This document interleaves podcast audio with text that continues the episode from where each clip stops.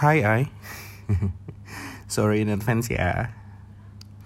I'm not good in words when I'm falling in love, when, but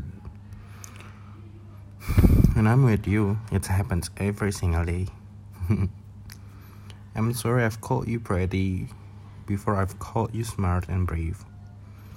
Not because I don't think you are pretty, but it's because I realize you are so much more than that.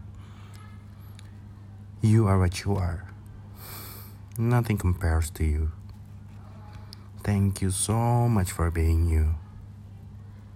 On this special day, I just want to wish you a bunch of luck and happiness for your future, our future.